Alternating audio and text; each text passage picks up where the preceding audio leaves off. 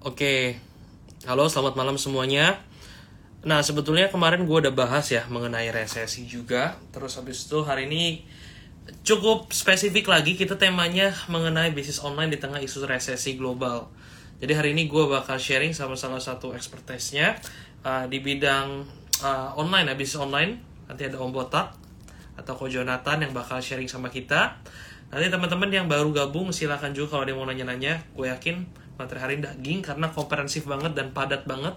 Gue langsung aja coba panggil uh, Om Botak yang nantinya bakal ngisi materi buat hari ini ya. Jadi kalau misalkan ada yang mau nanya-nanya silahkan aja langsung uh, drop your question di sini. Jadi biar nanti uh, kita sama-sama belajar dari pertanyaan-pertanyaan yang ada. Oke kita lanjut. Kita coba invite Om. Udah masuk ya. Nanti kita sambil tunggu teman-teman yang lain baru gabung juga. Silakan yang baru gabung. Oke. Hai. Halo, halo. Halo Om, apa kabar? Baik, apa? baik. Lagi sibuk apa?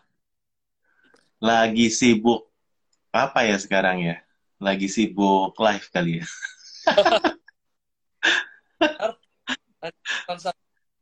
Online? Eh, sebenarnya lagi lagi sibuk dengan banyak banget ya. Eh, kayak abis pandemi ini, ya walaupun COVID belum usai ya, cuma abis pandemi ini banyak banget activity yang harus gue lakukan ya. Harusnya gimana ya? Gue gue melihat kayaknya waktu COVID itu gue nggak ngapa-ngapain, tapi kerjaan sama job itu aman aja karena gue online ya. Tapi setelah COVID, justru sebaliknya, gue udah ngapa-ngapain dan gue udah double double my effort. Kok kayaknya challenge-nya makin banyak. Ya gue nggak tahu ini pas-pasan atau atau itu ya hal yang lu rasakan. Ya gue malah to be honest ya kalau secara jualan online enakan pas COVID. Oh iya. Iya. Dan dan sekarang malah gue berasa lagi kok kayaknya ya lu juga nggak- udah udah nggak bisa malah udah nggak bisa nyantai-nyantai lagi ya udah bisa harus effortnya lebih tapi kok persaingan dan dari apa demand dan dari semuanya itu jauh lebih susah sekarang ya ini ini mungkin salah satu challenge yang bakal kita bahas nih hari ini Oke. Langsung aja kali ya kok kita langsung masuk ke materi juga teman-teman. Iya. Kayaknya sam- tapi lu lu ra- rasa gak sih eh, gue nggak tahu maksudnya dari dari dari kerjaan lu itu dulu pas covid sama sekarang tuh gimana? Cuma itu itu salah satu yang gue rasakan sih. Gue gue rasa sekarang kok kayaknya kerja susah benar ya. Covid kan kayak hidup susah banget ya karena harapan hidup kayaknya tipis gitu ya. Tapi kalau sekarang kayaknya harapan hidup tinggi tapi kok ekonomi susah gitu. Kita sih. Caranya survive survival mode-nya itu di- dimunculkan gitu ya. Gimana caranya? Kita harus nambah keterampilan juga skill karena kalau misalkan coba gini-gini aja tadi orang-orang makin apa ya? Karena mungkin tahu juga harus bersiap berperang, jadi kita juga nggak boleh lengah gitu kan. Jadi juga sama. Ya makanya Yes, mak- yes. panas medan di sana juga ya. Medan dan dan dan hari ini gue bakal share beberapa tips dari gue ya untuk eh, ya kalau lo mau bilang how to survive atau misalnya eh, tips buat menghadapi dari sisi gue yang udah gue lakukan gitu gue akan share. Ya mungkin juga dari David juga gue rasa akan share beberapa tips juga ya. Tapi malam ini bakal seru ya. Intinya gue sendiri nggak akan eh, istilahnya nggak akan pasrah gitu ya dan nggak akan cuma kemakan konten-konten dari eh, berita-berita yang negatif, tapi justru ini sesuatu yang memacu gue tuh dan dan bikin otak gue tuh mikir terus gitu. Karena ya kalau kita cuma berdiam diri aja, ya kita nggak akan ke mana-mana, bahkan akan akan kalah dalam persaingan ini. Betul, betul banget Om. Oke, Iya. oke. Kita langsung masuk ke materi aja ya kali ya. Kita udah udah panas banget. Teman-teman yang mau tanya silakan aja tanya. Eh, Om, gue gue masuk ke langsung ke topik soal mengenai resesi sebetulnya ya. Kalau misalkan kita gue ambil data sih sebetulnya. Kemarin gue lagi lihat-lihat eh, di kuartal pertama di 2002 2022 ini sebetulnya eh, kalau kita bahas lini e-commerce sendiri di Indonesia itu punya nilai transaksi itu sekitar 108,54 triliun. Nah, ini sebetulnya kalau kita bahas dari uh, sebelumnya itu tahun lalu sampai sekarang itu ada kenaikan 23% kayak gitu kan. Nah, Yeah. kalau menurut sendiri ada faktor apa aja sih yang mendorong hal ini sampai akhirnya naik gitu kan atau mungkin pas lagi covid jadi boleh deh sambil cerita juga tadi gimana. Oke okay. uh, eh, sebelumnya buat uh, teman-teman yang uh, teman-teman dari David Wijaya ya saya nggak tahu panggilannya apa ya. Kalau Om Botak panggilannya Botakers ya buat teman-teman ya. Salam kenal dulu ya sorry tadi saya langsung ngegas. Ya karena saya juga lupa untuk introduce uh, nama saya Jonathan ya atau biasa dipanggil Om Botak ya di channel cerita Botak ini kita berbagi tips dan trik cara jualan online. Kenapa cara jualan online khususnya di marketplace? Karena saya sendiri udah berjualan di marketplace dari tahun 2011. Jadi udah sekitar 11 tahun ya guys. Jadi kalau 11 tahun tuh sebenarnya gue udah melewati ups and down-nya ya. Cuma dulu industri kita karena masih kecil banget, ups and down-nya itu nggak berasa. Bahkan kita naik terus. Ya sampai mungkin kalau gue bilang tahun ini. Nah, menarik ya. Kenapa tahun ini ya? Padahal tadi David baru bilang uh, kita tuh harusnya growth 20%. Ya. Nah, cuma uh, teman-teman tahu kan dari sebelum COVID sama setelah COVID ya, jumlah seller online itu sendiri naiknya tuh gila-gilaan. Bahkan mungkin double. Double in the, in about two years ya. Jadi tadi cuma 7 juta, mungkin sekarang udah ada belasan juta, 13-14 juta per marketplace ya. Itu satu marketplace, belum kita ngomongin TikTok sebagai uh, marketplace baru dan banyak seller baru juga dan dan behavior ini kita bisa melihat habitnya itu orang dipaksa gitu untuk di, berjualan online dan sellernya makin banyak ya. Dan ketika tahun ini kita ada sedikit slowing down in growth ya. Dan orang mau bilang mau resesi kah atau mau bilang uh, change of behavior orang mulai dari online ke offline lagi sekarang karena offline-nya udah, udah buka ya. Kita melihat bahwa adanya penurunan demand dan growth-nya itu udah nggak sekencang dua tahun terakhir ini 2020 2021 ya 2022 ini ada satu perubahan. Jadi definitely kalau teman-teman nggak melakukan sesuatu yang perubahan yang besar pasti tokonya turun. Menurut saya ya. Ya teman-teman kalau yang tokonya masih naik itu either karena memang melakukan sesuatu yang tepat produknya itu lagi dicari uh, setelah covid lagi ya atau memang teman-teman itu adalah toko-toko baru Nah, biasa kalau punya toko-toko lama, itu pasti akan kena banget. Karena fee jualan di marketplace naik, harga barang naik, dan margin makin tipis karena kompetisi makin banyak. Jadi kita ada banyak sekali faktor eksternal ya. Nah, jadi ini ini ini menurut saya menarik sekali. Jadi kalau teman-teman ini nggak bisa siap untuk beradaptasi dengan perubahan yang baru ini, pasti akan sangat struggling. Gitu. Yes betul betul.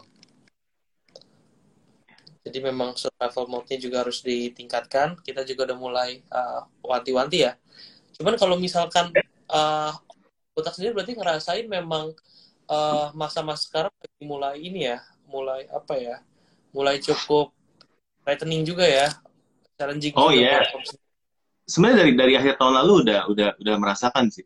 Ketika kontainer uh, dari China itu udah mulai langka, itu udah pasti barang-barang akan naik. Dan sekarang kan baru kita mulai rasakan kan. Habis itu ada perang, habis itu ada krisis BBM, ya kan BBM naik, harga plastik naik dan lain-lain. Jadi uh, dari sana kita udah tahu inflasi akan naik dan ketika inflasi naik, daya beli juga pasti akan turun. Jadi uh, dari faktor ekonomi global aja kita udah melihat bahwa itu akan impact ke kita gitu ya. Walaupun mungkin ada yang baru berasa sekarang atau yang berasa tahun depan.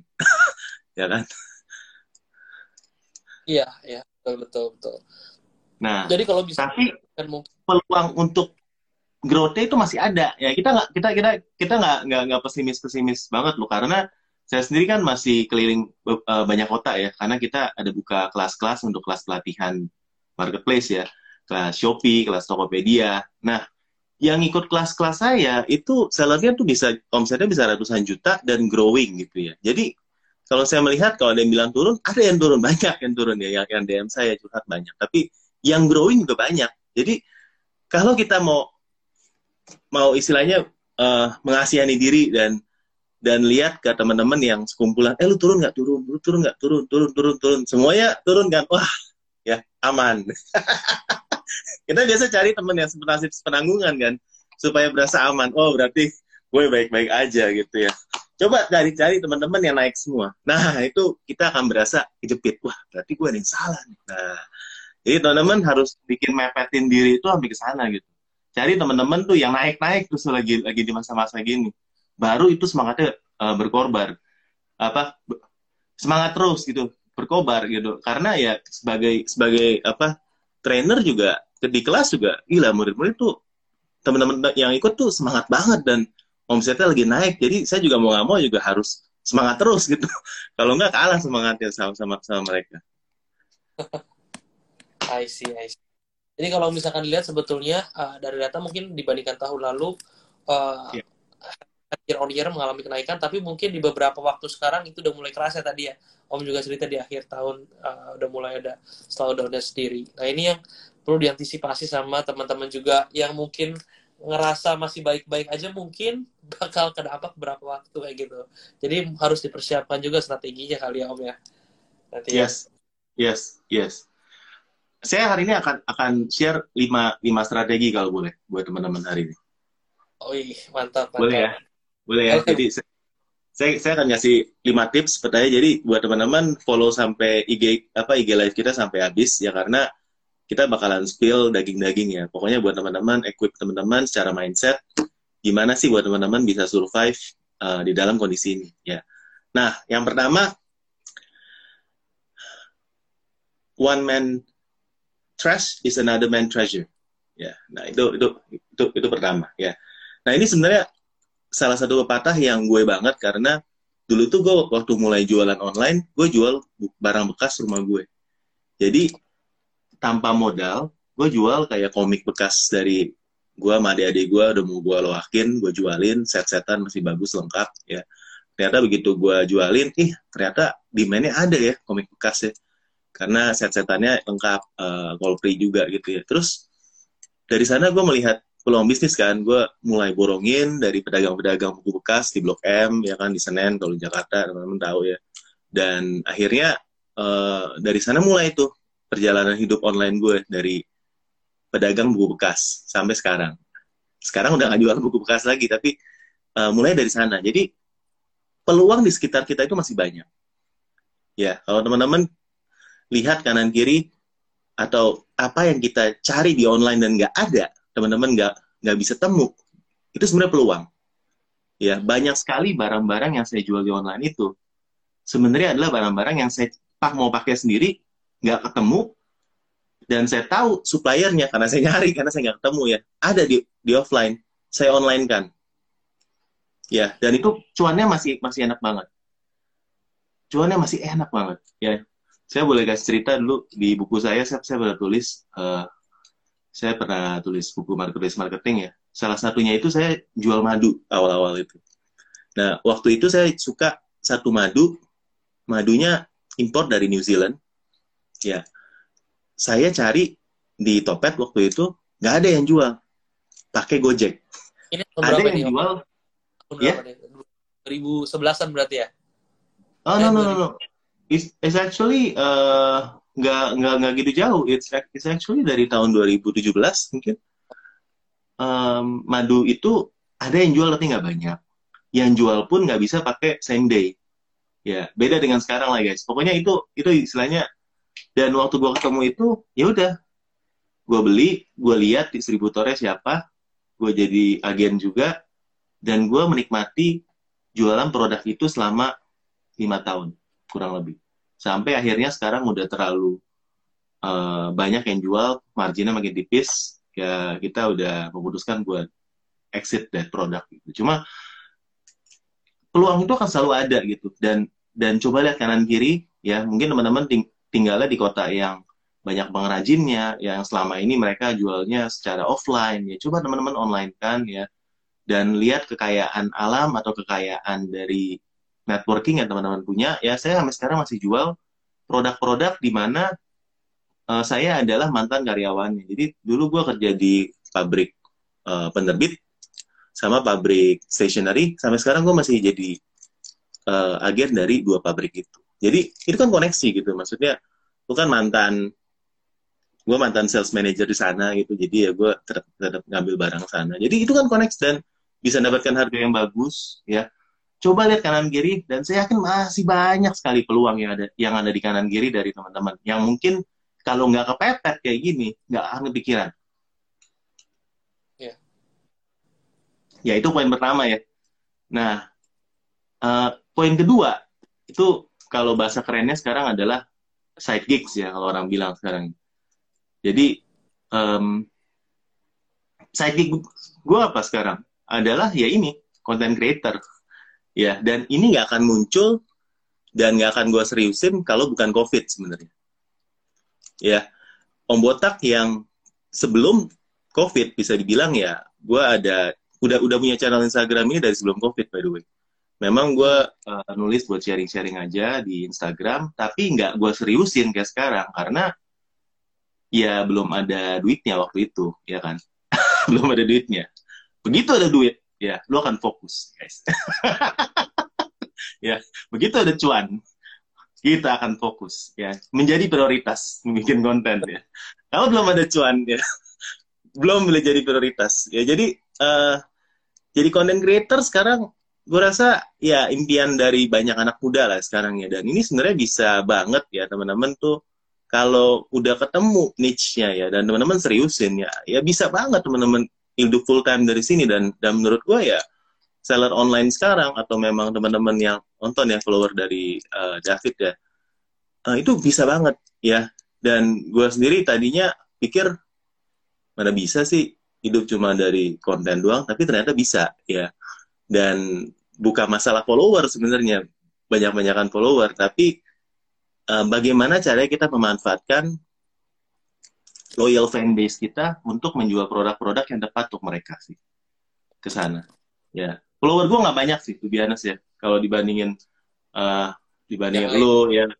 Dibanding yang lain nggak banyak. Tapi gue yakin em, kalau teman-teman mau cari yang sangat fokus di dalam dunia marketplace ya mungkin nggak banyak yang seperti gue.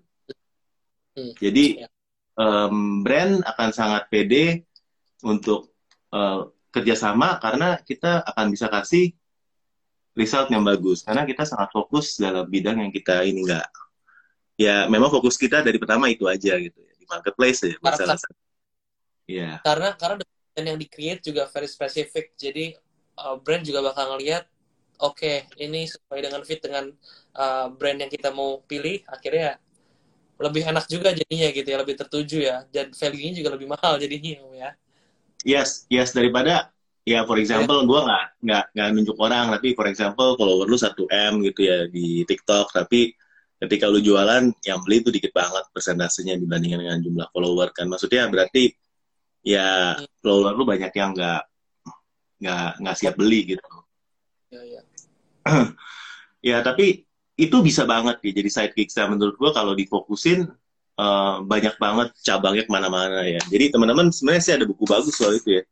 Eh, ini sih you do you sih menurut gua panduannya. Oke banget. Gua gua gua, gua sekalian share buku-buku yang ini ya apa yang yang yang related yang yang, yang related ya berhubung.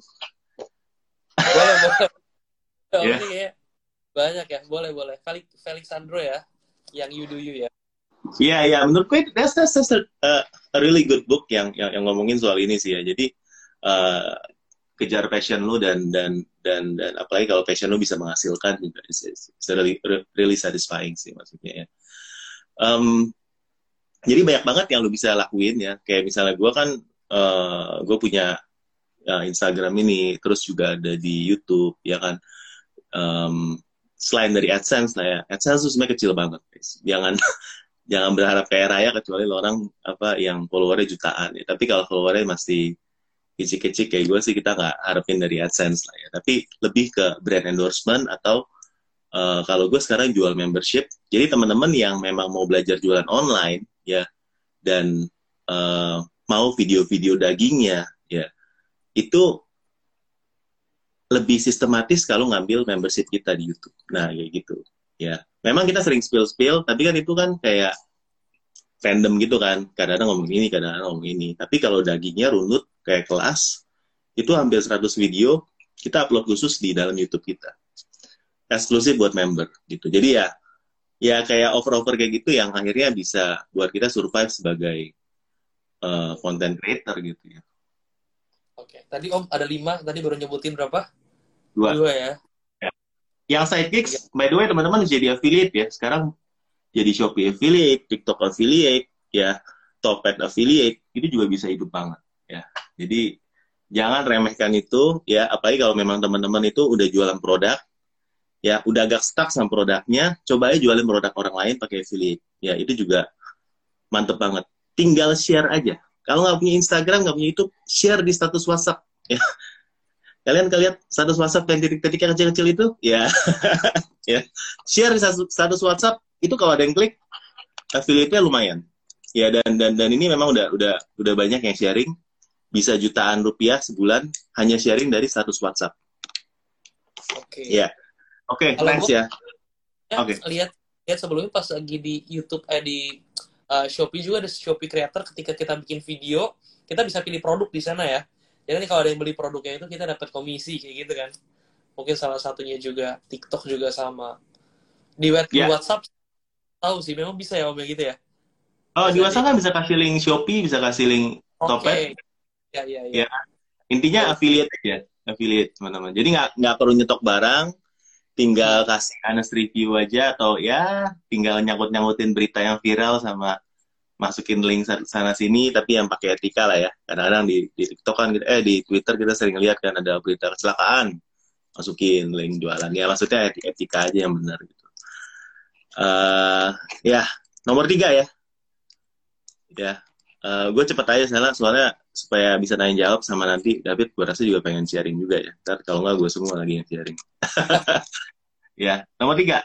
Em, teman-teman itu bisa bisa mulai efisiensi sekarang ya. Efisiensi nggak berarti untuk cut karyawan sih tapi coba lihat aja bagian mana yang bisa lebih diefisiensiin. Ya misalnya nih kalau pengen sewa ekspansi ya ya mungkin mungkin ya nggak tahu ini setiap orang beda-beda ya. Ada yang memang harus ada yang enggak ekspansi mau ambil ruko misalnya.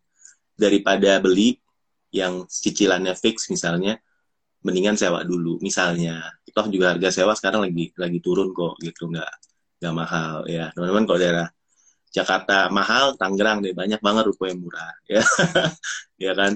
Eh, dan coba cari eh, daripada sewa satu ruko gede misalnya buat usaha atau online. Coba teman-teman pakai gudang online dulu ya. Misalnya pakai shipper di sana teman-teman bisa pakai satu dua kubik dulu ya kan daripada sewa satu gudang satu kios. Nantinya barangnya ternyata terlalu dikit ya kan coba pakai teknologi ya kan. Ini ini kan perusahaan logistik sekarang banyak yang bisa kita pakainya tuh dari satu kubik dua kubik lima kubik ya. Istilahnya lebih cost efficient lah buat kita ya. Kalau bisa costnya itu jangan fix bikin variabel bahkan dari tenaga kerjanya. Ya jadi teman-teman coba pikirin ke arah sana gimana kita bisa restrukturisasi bisa mengefisiensi operasional kita dan juga cara kita kerja. Ya misalnya kita sekarang packing 200 paket perlu empat orang. Gimana cara kita bisa bikin itu efisien? Pakai satu orang aja cukup. Ya apakah dari cara packingnya apakah dari peralatan yang perlu kita pakai dan lain-lain cara kerjanya ya kita perlu lihat ulang lah ya. Toh kalau ada kondisi kayak gini kadang-kadang kita nggak akan review cara kita kerja ya dan lihat dari best practice dari industri. Ya. ya itu mungkin eh, dari da- dari gue yang nomor tiga ya. Jadi minimalisasi biaya lah ya. How to minimize your cost ya. Se- secara bisnis ya. Nanti kalau secara personal finance mungkin Bro David yang lebih lebih expert. Ya. Em, nomor empat ya mungkin eh magak masuk sedikit ke personal finance ya tapi cari investasi yang aman lah. Udahlah ya. Gue nggak ngomongin soal kripto atau trading apalah segala macam aset yang aman ya. Kalau gue pribadi sih lebih ke emas ya. Lebih ke lebih ke properti dan lain-lain ya. Cari aset yang aman-aman aja lah. Kalau kalau kalau gue sih ya tapi ya ini setiap orang punya risk level yang beda-beda. Gue mungkin lebih berumur dari teman-teman. Jadi gue cari yang aman-aman ya. Nah itu gue, gue yang nomor empat tuh ya. Jadi yang aman-aman aja returnnya nol pun gue gak peduli. Yang penting gue gue tetap kaya ya. Kayak emas kan bikin lu tetap kaya. Ya karena ngikutin inflasi ya. Nah yang nomor lima ya ya menurut gue penting banget cari komunitas guys ya. Um, sadar nggak sih teman-teman dalam dua tahun ini kita udah anti ansos banget sebenarnya. Jadi kayak anti sosial, udah malas semua orang, malas untuk uh, ke, ke, keluar dari zona nyaman, malas keluar rumah ya kan. Kalau bisa Netflix aja di rumah atau memang ya ketemu orang asal WhatsApp aja. Tapi sebenarnya kita tuh perlu gitu, maksudnya keluar dari zona nyaman, ketemu orang baru ya. Kayak gue sama David kan juga kita sebenarnya belum pernah ketemuan sebelumnya keluar dari zona nyaman aja dan ngomongin topik-topik ya mungkin sebelumnya kita nggak pernah ngomongin gitu ya belajar hal baru ya kan kayak hari ini teman-teman ngikutin ini belajar hal baru dan punya satu komunitas yang sehat gitu ya dan itu akan sangat mendorong kita karena kalau kata kata bapak kan ya uh, kita itu bisa dinilai dari teman-teman atau circle terdekat dari kita. Kalau teman-teman terdekat kita semuanya toxic ya akan ngikut gitu ya. Yang selalu bilang kita udahlah ini resesi lah ya. Ya udahlah kita pasrah aja atau gimana atau ada yang bilang wah ini peluang nih tahun ini nih. Gas gitu ya. Kita pasti bisa gitu guys. Nah, itu akan sangat menentukan kita ini mau ke mana nanti ya. Dan saya yakin kan sebenarnya di dalam setiap resesi itu akan banyak orang kaya baru ya. Ada banyak sekali peluang dan jadi peluangnya masih banyak. Ya teman-teman lihat ya banyak banget sebenarnya kalau dari online ya.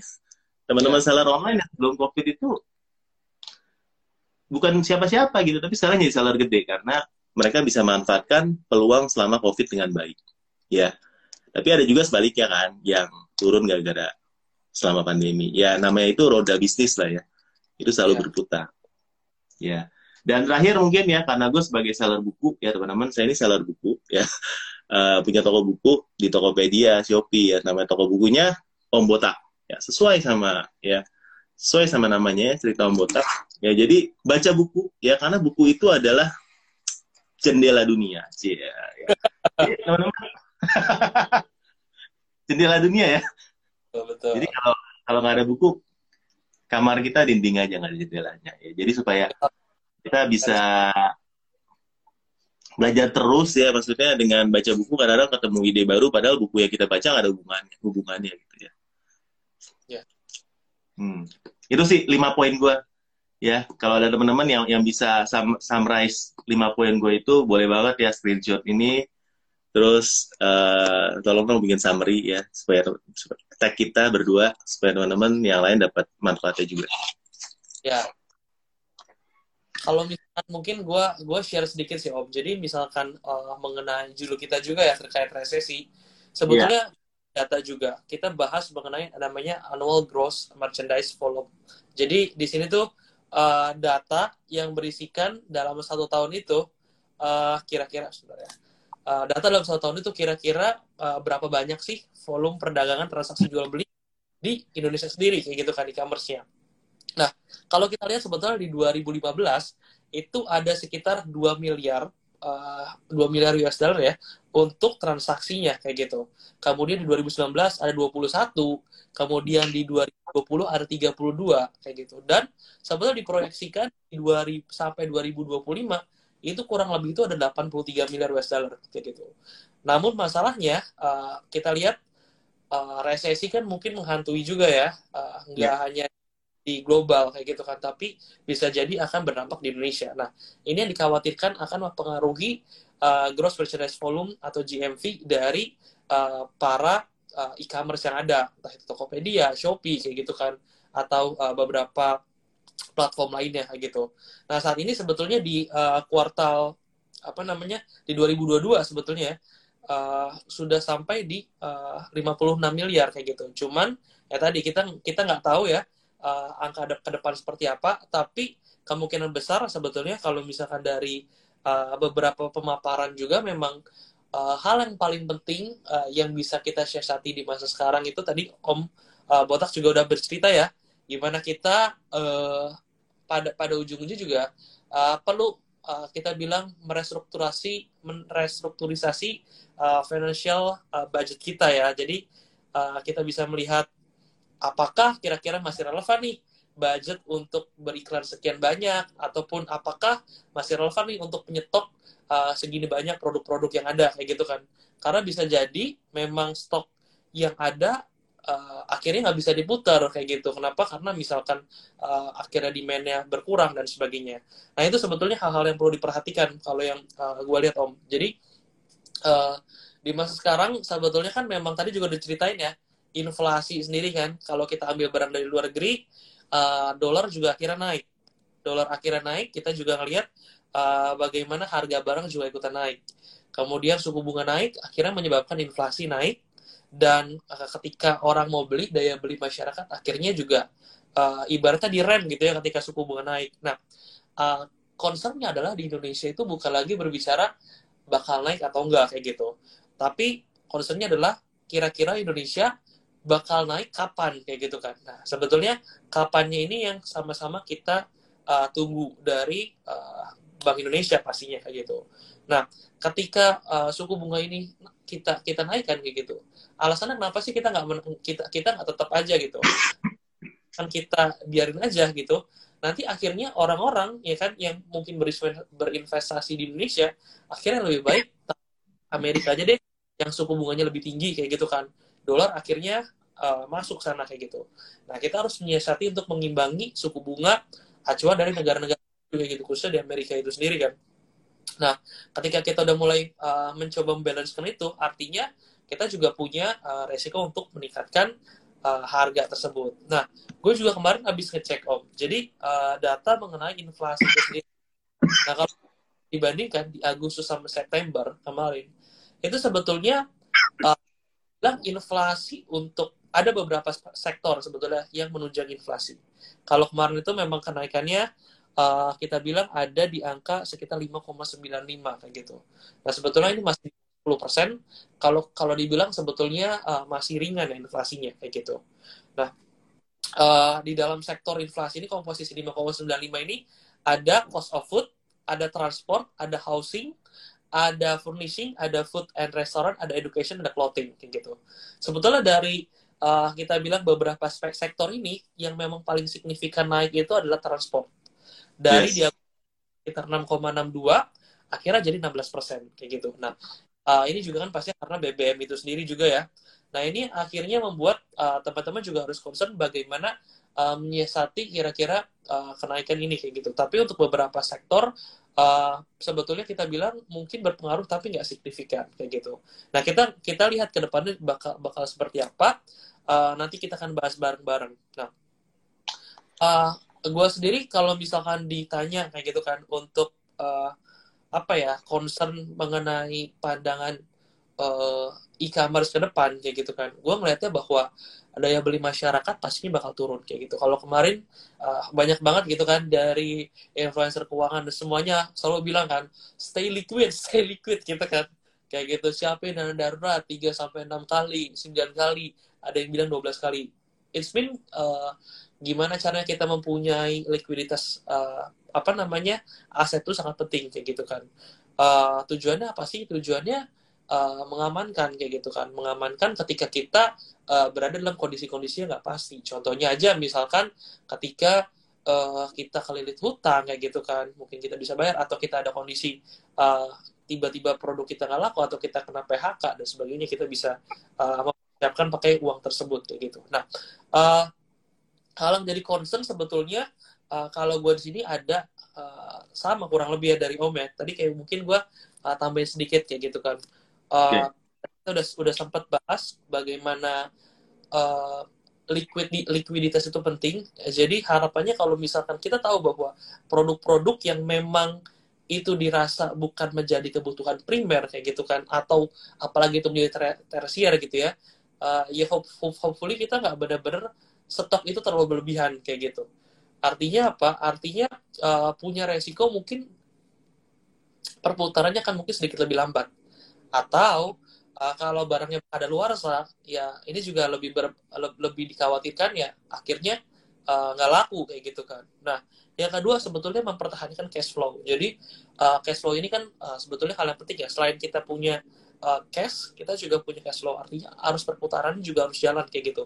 Jangan sampai kita tadi uh, terlalu asik dengan uh, mainan kita, dengan uh, digital marketing, ads dan sebagainya.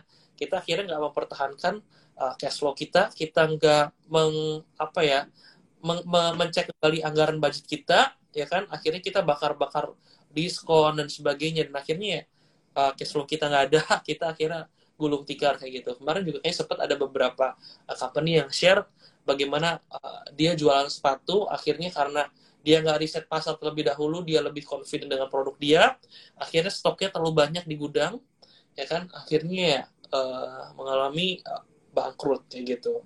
Nah yang terakhir memang mau iklan pun ya uh, ini lebih ke arah ini ya. Jadi gue ngeliatnya gimana kita bisa memakai budget dengan baik. Uh, tadi kita lihat manfaatkan kalau misalkan iklan ya A/B testing ya misalkan dengan budget yang terbatas. Jadi A/B testing kayak kita coba dengan uh, cara A habis cara B misalkan.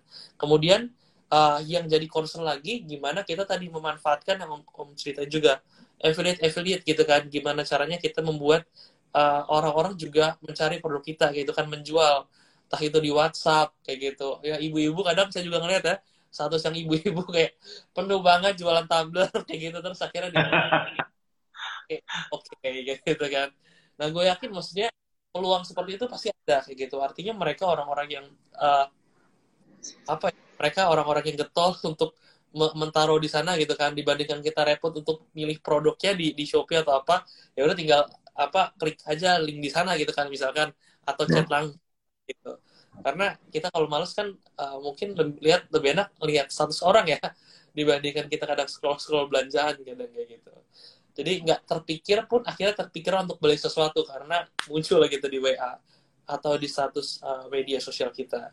Nah sebetulnya terakhir menurut gue uh, gimana caranya kita mau mungkin survive bisa jadi apakah kita perlu untuk melakukan uh, apa ya penambahan beberapa produk yang relevan yang dijual atau diperluin untuk masyarakat Indonesia di tengah kondisi yang mungkin mengalami resesi ini. I mean, mungkin kita yang cenderung untuk banyak kebutuhan uh, apa ya harganya mungkin barang-barang lebih mahal kayak gitu. Kita coba sisipin beberapa produk yang memang harganya mungkin lebih terjangkau atau memang yang lebih relevan uh, dibeli sama orang kayak gitu. Nah itu sih yang gue lihat om yang bisa uh, kita kita apa namanya kita siasati bareng-bareng Nah, terus juga gue ngecek juga kemarin uh, bagaimana kalau kita kan melihat salah satu IPO yang menurut gue cukup keren di Indonesia ini nanti-nanti adalah Goto juga gitu kan. Sebetulnya gue Sarak juga sampai sekarang bakar uang juga ya. Entah itu dari sisi apa kita jualan apa kasih reward gitu kan gratis ongkir. Yeah.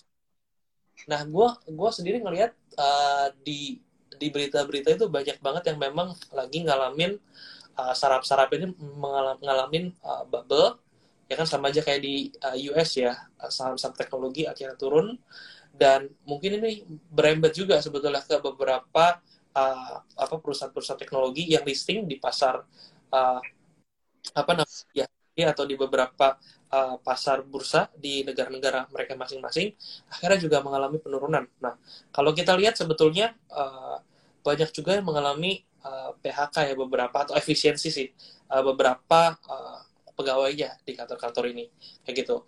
Gue rasa mungkin uh, ini asumsi gue sendiri kayak gitu kan. Gue ngerasa mereka juga mungkin bakal uh, berpikir dua kali untuk mengeluarkan budget mereka dalam iklan atau enggak mengeluarkan budget dalam gratis ongkirnya ya kan? Atau mungkin beberapa hal lainnya kayak gitu. Akhirnya uh, bisa jadi ya ketika mereka mengeluarkan uh, mereka tadi udah mengurangi uh, pegawai-pegawainya kemudian mereka uh, apa namanya mengurangi pegawainya otomatis orang-orang yang kerja sana sedikit lebih berkurang mungkin ide juga nanti bakal lebih berkurang lagi kayak gitu kan atau inovasinya. Gitu. tapi harapannya enggak ya tapi yang paling kerasa mungkin gue uh, gue lihat dari voucher-voucher atau diskon sekarang juga mungkin makin lama makin kerasa ya di Shopee makin sedikit ya. makin dikit ya. Nah makin ya. dikit. nah gue rasa ini ini yang uh, menjadi salah satu sebetulnya gue juga ngeliat kalau lagi ada gratis ongkir walaupun gue nggak tertarik buat beli kayaknya sayang ya mau beli ya. Kayak gitu kan kadang tertrigger kayak gitu. Mungkin orang-orang juga tapi kalau misalkan makin berkurang uh, si reward reward ini daya beli atau uh, daya apa ya daya mungkin untuk membeli sesuatunya juga mungkin akan sedikit berkurang karena adanya hal itu. Um, kalau misalkan dilihat lagi juga uh, ini yang menarik bahwa uh, kalau misalkan saraf-saraf seperti uh, Goto sebetulnya kalau gue lihat uh, di Q2 2021 sebetulnya dia udah kasih ada laba kayak gitu kan 1,9 kalau di Q2 2022 dia ada sebetulnya uh, 3,3 kayak gitu kan. Walaupun memang sampai saat ini juga di kuartal 2 2022 uh, si Goto itu masih rugi 14,1 triliun. Itu lumayan banget sih ya. Tapi kita lihat uh, bagaimana kinerjanya juga cukup positif. Artinya uh, di tengah di tengah saat ini e-commerce berjuang mereka juga tetap bisa uh, menghasilkan income uh, di tengah-tengah ini kayak gitu. Walaupun ya tadi uh, mereka juga masih uh, apa ya masih uh, mengalami dampak akibat bakar uang di masa-masa sebelumnya kayak gitu. Nah, jadi uh, bank juga gue rasa bakal ngalamin uh, apa ya lebih konservatif untuk memberikan pinjaman ke uh, para pengusaha baru. Artinya uh, para pengusaha ini mungkin akan lebih sedikit terlimitasi ya gitu kan untuk berusaha membuat usaha. Nah, uh, gua gua lihat membuka usaha itu resiko atau uh, pro apa ya gue bilang ya uh, chance untuk gagal juga mungkin sedikit lebih besar. Dan juga bank mungkin akan berpikir dua kali untuk memberikan pinjaman ke orang yang mungkin baru kayak gitu kan. Atau mungkin punya uh, profil kredit yang nggak bagus kayak gitu. Jadi bank juga mungkin bakal lebih selektif. Atau mungkin venture capital juga bakal lebih selektif kepada uh, para startup ini. Akhirnya dana untuk startup ini juga agak sedikit lebih terbatas. Jadi mungkin startup-startup baru yang memang mereka kas uh, cashnya atau kasnya itu nggak kuat, uh, uangnya nggak kuat, akhirnya mungkin bisa jadi ngalamin uh, apa ya uh, masalah kayak gitu, ngalamin yeah. uh, apa namanya performa. Tapi gue lihat memang uh, beberapa startup yang ada di Indonesia seharusnya sih bisa tetap stabil, tapi memang dari reward rewardnya aja yang mungkin bakal dikurangin kayak gitu. Itu sih hmm. yang gue kalau misalkan Om sendiri lihatnya gimana? Untuk reward dan sebagainya itu mau pengaruhi nggak sih? Mau tanya aja uh, kalau dari lu sendiri secara pribadi yang udah lu lakukan dalam menghadapi resesi krisis ini ini krisis ini seperti apa sih contoh pribadinya oh. gitu ya misalnya okay. tadinya lu lakukan ini eh ternyata gak gara krisis jadi lakukan B gitu oke okay.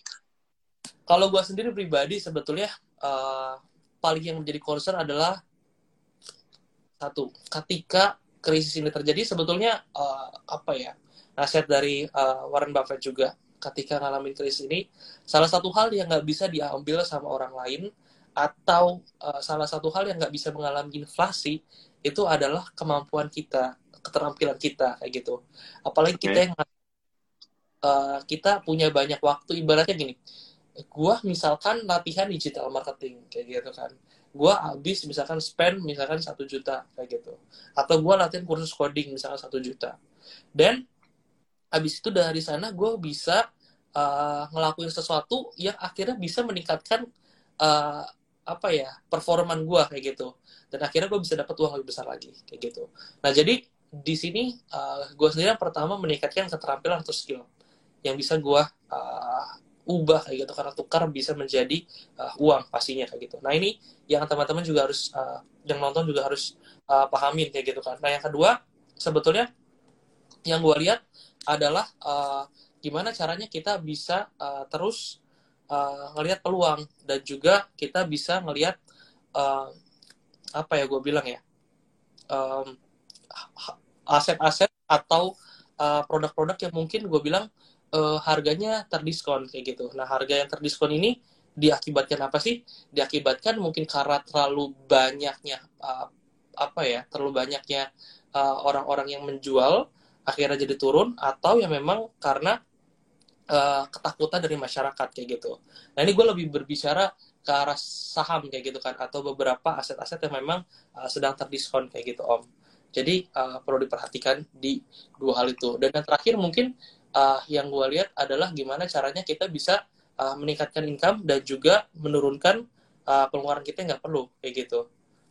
Nah uh, dari dari apa namanya hmm. dari sebetulnya uh, meningkatkan income dan juga menurunkan uh, meningkatkan income dan menurunkan pengeluaran yang kita perlu sebetulnya gue melakukan tadi yang gue sampaikan juga uh, ketika gue ngeliat uh, gue kan biasa tuh mencatat laporan setiap uh, apa namanya setiap bulan ya. Kayak gue hari ini gue keluarin apa dan sebagainya gue catat. Jadi setiap yeah. bulan pasti kayak gitu kan. Gue lihat laporan uh, keuangan gue keuangan bisnis gue jadi kayak semuanya gue bisa evaluasi di sana. Oh ternyata ada pengeluaran-pengeluaran nggak perlu, perlu nih. Nah di situ gue bisa uh, cut. Gue bisa uh, berin budget budgeting lagi dengan baik. Dan juga ya tadi cari peluang-peluang dengan set hasil gue bisa lakuin. Kayak gitu. Kalau om sendiri gimana uh, kalau gue sih lebih ke hal-hal yang yang yang gue share tadi ya sebenarnya. Jadi uh, tentunya gue melihat banyak sekali peluang baru ya. Uh, dan kita ngomongin sekarang uh, dari bisnis gue sendiri itu banyak peluangnya itu lebih ke jasa sih sebenarnya. Ya karena gue melihat kalau misalnya kita jual barang ya jual satu produk itu cuannya dibandingin jual jasa itu jauh lebih cuan jual jasa ya. Jadi gue karena melihat kayak gitu gue gue melihat wah berarti nak jual jasa ya karena jasa lebih susah untuk untuk, di copy sama sama orang dibandingkan dengan produk. Kalau produk kalau laku kan ya sekarang melihat wah laku nih langsung dibuat produk yang sama di copy ATM habis ya. Nah kalau jasa lebih susah karena ada human touch-nya itu. Jadi gue lebih banyak over bidang jasa sih sekarang yang yang, yang gue rasa ya ya maksudnya produk toko-toko baru juga masih ada terus develop ya tapi jasa kita lagi banyak kembangin ya. Jadi salah satu jasa yang gue lagi uh, coba garap dan lagi seriusin itu jasa manage uh, kita bantu seller-seller untuk manage toko mereka di marketplace. Ya jadi salah satu itu yang lagi gue kembangin sama tim. Ya jadi misalnya kalau teman-teman punya toko yang pengen bantu kita manage uh, eh, DM aja ya dan coba kita ngobrol gimana caranya kita bisa bantu untuk optimasi toko-tokonya kayak di Shopee, di Topet dan uh, sebagainya. Itu salah satu dari jasa yang kita kembangin ya karena menurut kita sih lagi bagus sih peluangnya di sana. Oh, uh, gue mau nanya penasaran sebetulnya. Ini juga hari ini gue uh, abis sharing sama uh, eh, yeah. temen yang bukan temen sih. Jadi ada ada junior junior kayak gitu kan. Mereka cerita bahwa mereka uh, kayaknya jualan sesuatu di Shopee. Uh, terus abis itu dia di copy sama kompetitor yang mirip banget sama dia kayak gitu loh. Yeah. Nah, itu pasti terjadi gitu kan. Om juga mungkin pernah ngalamin yeah. ya pasti gitu. dan mungkin ada nggak tips yang bisa om share kayak gitu kan? Atau ada hal yang om bisa uh, uh, ya kompetisi itu ketat ya. Kalau kalau nggak mau dibilang kejam ya guys. Jadi kita udah riset capek-capek satu produk ya kan. Apa ya kalau teman jualan fashion ya. Uh, kita bisa kita bisa patenin kita punya merek, ya. tapi kan nggak bisa patenin atau kalaupun bisa tuh ma mahal banget patenin motif atau potongan atau cutting ya kan. Jadi sebenarnya kompetisi dalam dunia fashion itu semudah itu tinggal beli produk kita di kopas sama persis ya atau nggak usah beli tinggal mereka lihat dari fotonya aja udah bisa di kopas sama persis dan lain-lain. Jadi ya kalau menurut saya uh, hampir nggak ada barang yang sekarang immune dari sana gitu. Jadi benar-benar kekuatan branding itu makin mahal lagi gitu uh, di zaman sekarang ya. Kenapa orang harus beli dari kita gitu ya untuk produk ini. Jadi kalau kita hanya jual hanya sekedar produk ya kompetisi akan semakin ketat. Ya, makanya teman-teman pinter-pinternya zaman sekarang itu buat konten. Ini balik lagi ya, poin nomor dua ya, jadi content creator. Bukan cuma untuk branding diri ya, personal branding, tapi juga untuk branding ya brandmu itu untuk jualan produk. Ya, karena kalau sebagai content creator ya kita udah bisa buat konten, udah biasa sering live kayak gini ya, sering live jualan produk. Harusnya akan lebih aman sih lima tahun ke depan. Ya, karena sekarang persaingan kita itu persaingan konten. Ya, siapa yang bisa get more people people attention will win this competition ya. Ya kan? Dibandingkan dengan orang yang cuma bisa bikin uh, produk aja gitu. bukan apa bukan konten. Jadi uh, balik lagi ketika harga-harga ini mulai berperang ya kan? Jadi ada satu hal mungkin yang bisa ditambahkan yaitu uh, itu sendiri mungkin nggak cuma produk yang ditawarkan tapi ada jasa nilai jasanya gitu. Ataupun ya. tadi jasa ini sesuatu hal yang uh, ibaratnya nggak bisa dikompetisikan kayak gitu ya om ya. Betul ya?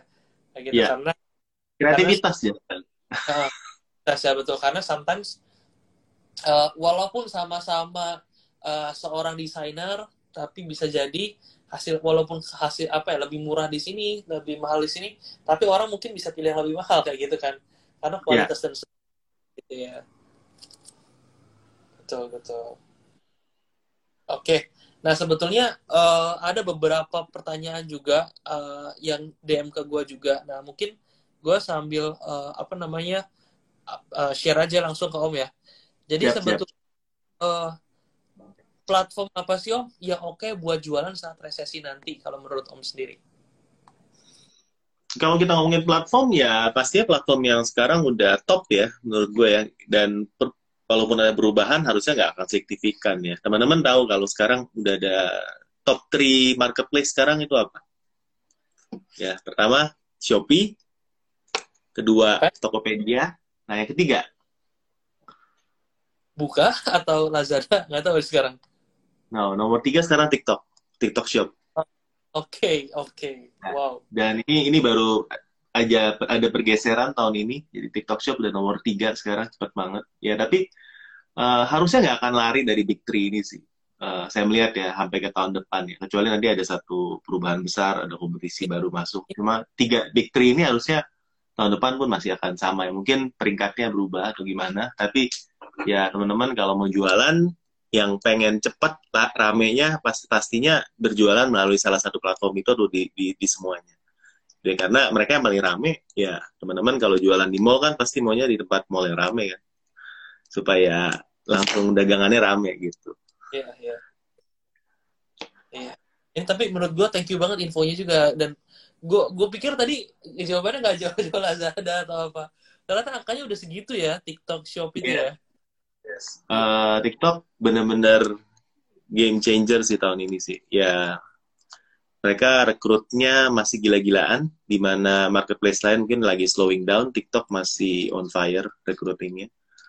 Dan uh, ya mereka juga serius sekarang. Teman-teman kalau lihat di TikTok sekarang tombol ada tombol shopnya sekarang dan itu udah ada di 50% dari uh, app, app aplikasi yang belum ada biasa belum update karena nggak kuat kali ya untuk update uh, aplikasi uh, ke versi baru. Nah, 15% dari omset TikTok Shop itu dari orang yang cari dari tombol shop itu, bukan dari video FYP yang ada keranjang kuning. Jadi orang-orang memang udah niatin buat belanja di TikTok sekarang 15% nih dari sana ya. Dan mereka yang belanja 15% itu mostly bukan pembeli baru pembeli yang sudah pernah belanja di TikTok, waktu belanja lagi mereka menggunakan tools dari TikTok Shop itu. Ya, tombolnya ada di sebelah nomor dua di sebelah dari dari kiri. Ya. Jadi teman-teman lihat dari uh, behaviornya, walaupun mungkin uh, TikTok tuh awalnya ya buat kaum alay, ya, kalau bilang ya kan ya uh, dan nggak serius, tapi buying powernya ada dan udah take over nomor tiga sekarang. Ya, jadi uh, akan mengerikan sih menurut saya. Apalagi kalau orang udah lebih banyak lagi yang udah terbiasa belajar di sana, udah lebih banyak mature buyer, ya kan. Mereka udah bisa langsung ke shopnya, teman-teman udah bisa barangnya dicari pakai kata kunci ya, udah akan mak makin mirip marketplace. Ini menurut saya ini cukup uh, kuda hitam yang cukup uh, mengerikan sih tahun ini. Asik ya. kuda hitam. Siap, siap atau nggak siap? Ya, siap atau nggak siap harus siap. Ya, buat kita star seller ya. Apakah kita iya. siap? Ya, harus siap aja sih. Sebenarnya capek ya masih capek lah ya belajar satu marketplace lagi dan harus adaptasi lagi that but that's life you know uh, harus siap untuk belajar either we change or we die ya kayak dinosaur. Ya ya ya. Sekarang uh, lagi live di Shopee atau Tokped itu ngaruh nggak ke penjualan? Yes definitely. Uh, uh, menurut gue degree-nya tuh beda-beda lah ya, tergantung dari produk yang lo tawarkan ya. Uh, harus kita akuin, live sekarang itu uh, lebih works untuk barang-barang yang memang lebih fast moving ya, FMCG lah, fast moving customer goods ya, uh, barang-barang home, barang-barang fashion and, and all that ya. Kalau lu live barang teknik ya kan, ya barang-barang mat pabrik ya mungkin uh, not really interesting ya buat buat orang ya. Lagian niche niche niche market juga ya either they buy or not ya. tapi uh, untuk live barang-barang yang di bawah 100 ribu ya barang-barang yang murah itu pasarnya itu ada dan dan dan ada di sana gitu ya. Di TikTok di Shopee di Topet juga. Jadi di semua tempat gue bilang live itu memang lagi growing lah ya. Sebenarnya tren ini udah bisa kita lihat waktu gue gue ngikut ke gue ngikut training di Alibaba uh, headquarter di 2019 waktu itu kita uh, ditunjukin sama Alibaba kita training sana dua minggu ya sama sama top dari uh, company grup company Alibaba ya. Bahkan di sana dulu ada satu startup yang dia punya bilik-bilik khusus untuk live ya untuk live nanti yang live itu hostnya bakal dapat sharing percentage dari hasil jualan live. Ya waktu gue di sana gue mau melihat nama teman-teman Indo yang lain. Bilang gila ini kapan ya di Indo itu bakal kayak gitu ya? Dan ternyata sekarang udah kejadian. Ya uh, udah ada company yang yang yang melakukan hal yang sama juga di Indonesia sekarang seperti itu ya. Jadi uh, kita ini a little bit behind ya. Jadi kalau misalnya di China itu udah dari tahun waktu gue di sana 2019 mereka udah lakukan itu di Alibaba ya. Sekarang kita baru 2022 ya tiga tahun masih oke okay lah ya ketinggalannya. Cuma uh, I think it's the future ya. Apalagi kalau kita lihat habit e-commerce kita itu lebih mengacunya itu ke China dibanding ke Amerika sih sekarang. Ya karena the big investor from from the our e-commerce is mostly from China. Oke, okay. oke, okay, oke. Okay. Terus kalau misalkan gue gua nggak soalnya nggak nggak ngikutin untuk kontainer di Cina tadi sebetulnya menarik ya mengenai kondisi apa lockdown dan sebagainya. Sekarang memang barang-barang di Cina agak susah juga om atau gimana? Kontainer dari well, well kalau kalau kalau misalnya bilang susah ya ada delay lah ya, tapi bukan berarti susah itu nggak bisa masuk sih, nggak sih impor terjalan aja sih. Cuma ya dari container shortage itu membuat harga kontainer shippingnya lebih mahal. Uh, yang tadinya bisa satu bulan mungkin delay satu minggu ya. Jadi ya, ya, ya gue juga bukan orang logistik tapi menurut gue sih pasokan sih aman-aman aja ya. Tapi masalahnya harganya naik aja sih. Oh minat ya. lagi uh, bagaimana prospek penjualan pakaian di masa resesi nanti? Promo kayak sedikit berkurang ya? Uh, selama orang hidup masih perlu pakai baju ya, gue rasa masih sangat prospek ya. Kecuali resesi kita nggak pakai baju ya. ya. Ini memang paling penting sebetulnya ya harusnya ya. Yes. Ya. Harganya yang 100 juta gitu ya.